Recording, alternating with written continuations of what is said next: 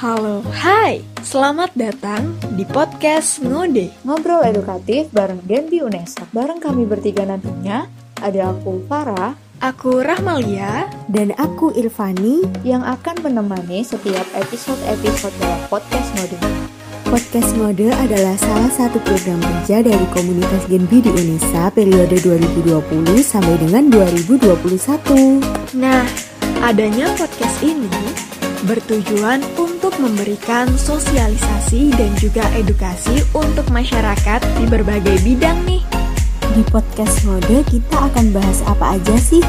Hmm, makanya tetap stay tune dan jangan sampai ketinggalan topik-topik yang akan kita bahas ya.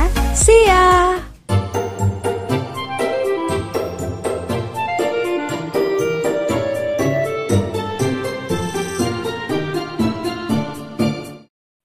Semuanya, kembali lagi dengan saya Irfani Azah Dan saya Rahmalia Ulan Aziza dalam podcast Ngode, ngobrol edukatif bareng Genbi Unesa. Dan sekarang kita sudah bersama dengan narasumber cantik dari Genbi Unesa tentunya, yaitu Kak Gayatri. Halo Kak Gayatri. Halo, Apa kabar Kak Gayatri? uh, alhamdulillah sehat. Gimana nih kabar kalian berdua? Alhamdulillah dong. sehat. Mm-mm. Alhamdulillah baik juga nih Di episode pertama ini podcast Ngode bakal ngobrolin tentang Bank Indonesia. Nah teman-teman semua pasti mau kan lebih mengenal tentang Bank Indonesia Tapi sebelumnya sebenarnya Bank Indonesia itu apa sih kak? Apakah sama dengan bank-bank yang sering kita temui di pinggir jalan gitu? Kayak bank ini, bank itu, dan semacamnya. Kan banyak tuh ya bank bermacam rupa gitu. Ada bank bakso juga. Eh salah server, maaf. Nah biar nggak salah Yuk kita dengerin penjelasan dari Mbak Gayatri. Out. Oke, jadi Bank Indonesia ini atau BI adalah Bank Sentral Republik Indonesia. Sebagai bank sentral, Bank Indonesia memiliki satu tujuan tunggal, yakni mencapai dan memelihara kestabilan nilai rupiah. Kestabilan nilai rupiah ini mengandung dua aspek, yaitu kestabilan nilai mata uang terhadap barang dan jasa, serta kestabilan terhadap mata uang negara lain. Aspek pertama ini tercermin pada perkembangan laju inflasi. Sementara aspek yang kedua tercermin pada perkembangan nilai tukar rupiah terhadap mata uang negara lain. Nah, perumusan tujuan tunggal ini dimaksudkan untuk memperjelas sasaran yang harus dicapai Bank Indonesia serta batas-batas tanggung jawabnya. Dengan demikian, tercapai atau tidaknya tujuan Bank Indonesia kelak akan dapat diukur dengan mudah. Nah, sejak tahun 90-an ya atau 1999, status Bank Indonesia ini ditetapkan sebagai lembaga negara yang independen dan memiliki kewenangan penuh dalam menjalankan tugasnya serta bebas dari campur tangan pemerintah dan atau pihak lain. Hal ini tentunya sudah diatur dalam Undang-Undang Nomor 23 Tahun 1999 tentang Bank Indonesia yang kemudian diubah melalui Undang-Undang Nomor 6 Tahun 2009. Nah, tentunya dengan demikian Bank Indonesia ini wajib menolak intervensi dalam bentuk apa pun dan dari pihak mana pun. Status dan kedudukan Bank Indonesia ini diperlukan biar Bank Indonesia ini bisa melaksanakan peran dan fungsinya sebagai otoritas moneter dengan lebih efektif dan efisien. Statusnya juga ini uh, sudah diakui nih sebagai badan hukum publik dan badan hukum perdata yang ditetapkan dengan undang-undang.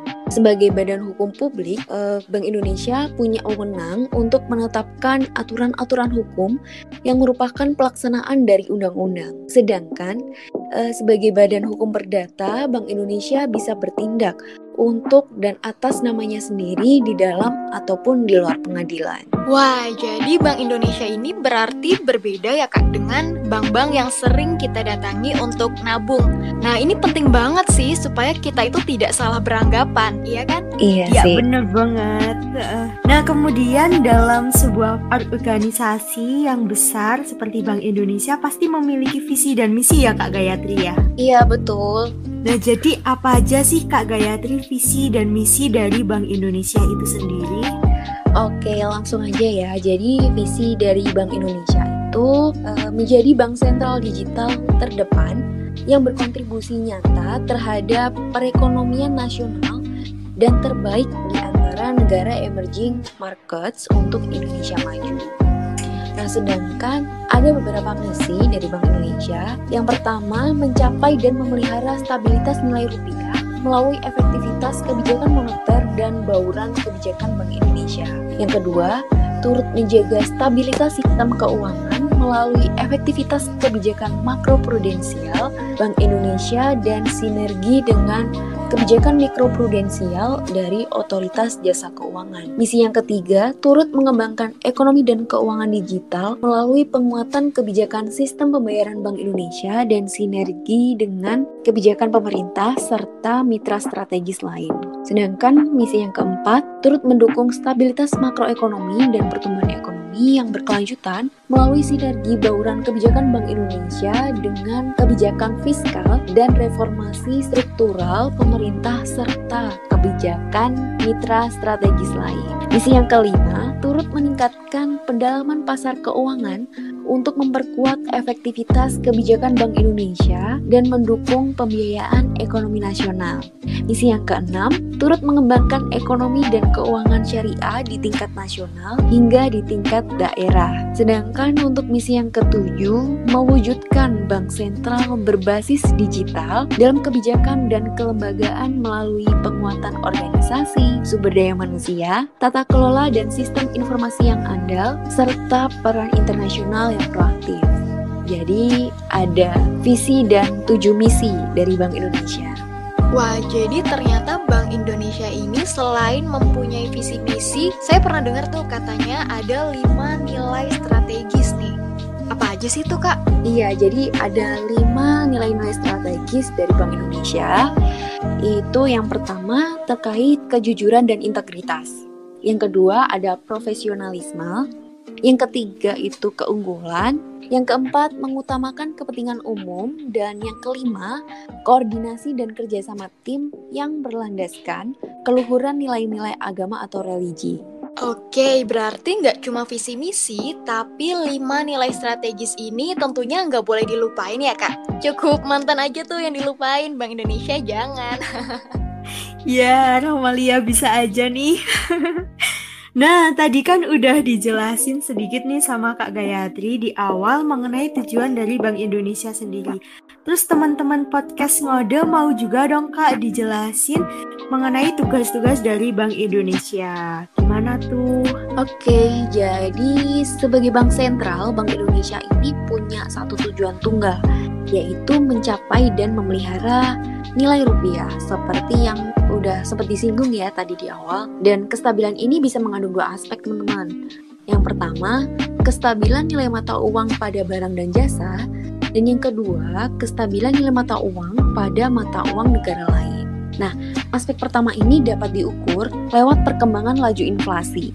Sedangkan aspek kedua tercermin dari nilai tukar rupiah terhadap mata uang negara lain.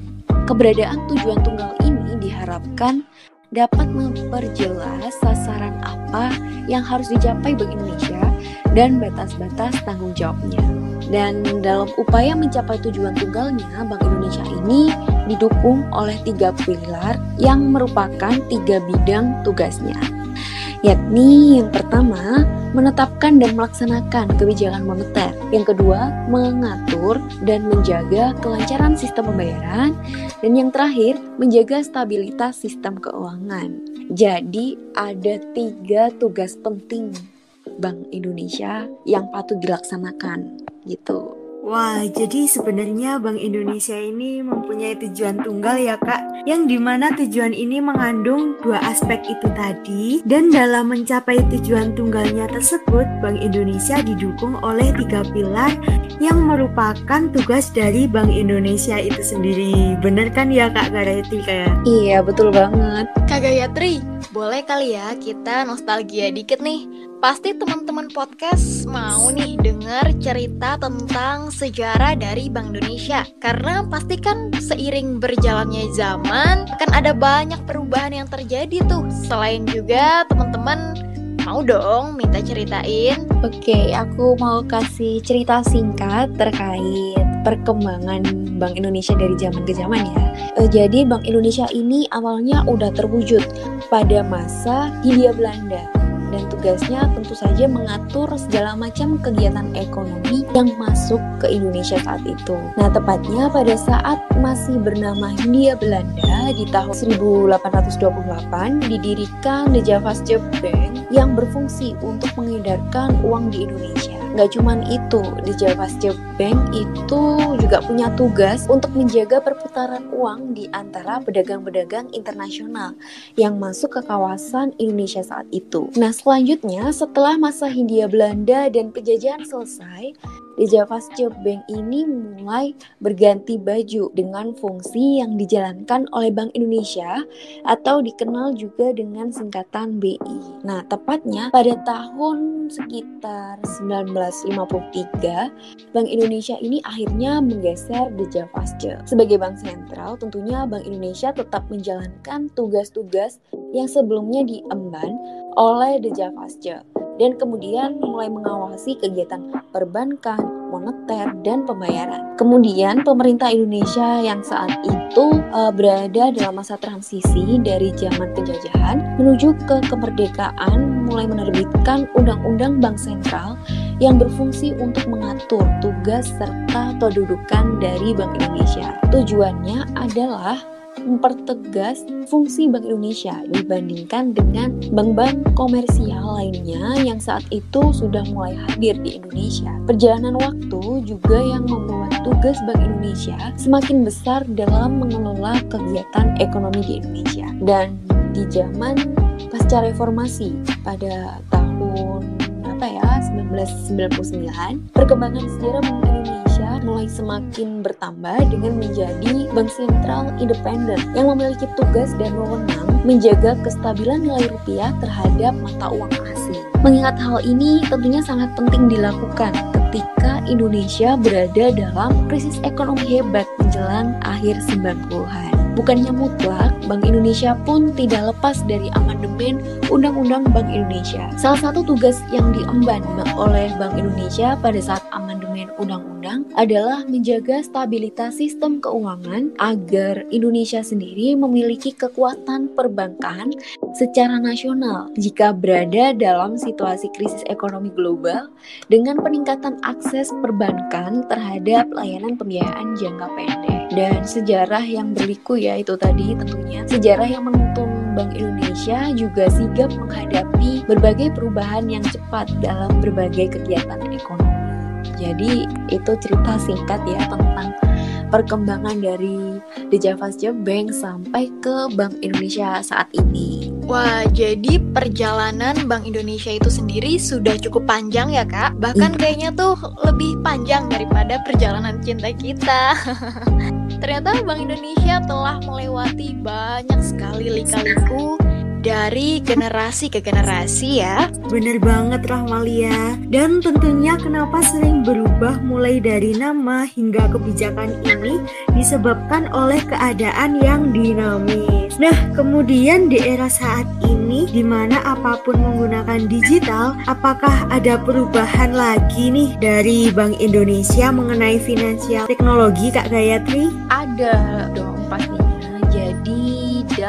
Kurun waktu belakangan ini ya, kita semakin sering nih mendengar istilah fintech, yaitu lebih tepatnya bisa dibilang financial technology. Nah, financial technology ini merupakan sebuah layanan keuangan yang dikelola secara digital dan sekarang ini jumlahnya tentu saja sangat banyak dan memiliki kategori-kategori yang berbeda. Rata-rata fintech ini menghadirkan digunakan uh, sebagai sarana atau proses pembiayaan kepada masyarakat untuk menunjang berbagai macam kebutuhan mereka. Namun, hmm, ada juga fintech yang terlibat sebagai sebuah perusahaan investasi. Ketika membanjirnya layanan fintech, Bank Indonesia pun juga nggak mau ketinggalan. Dan dalam hal ini Bank Indonesia mulai mendirikan yang namanya Fintech Office yang didasari pentingnya mendukung perkembangan transaksi keuangan berbasis teknologi. Uh, ada empat tujuan dan asalan kenapa sih Bank Indonesia ini mulai mendirikan yang namanya Fintech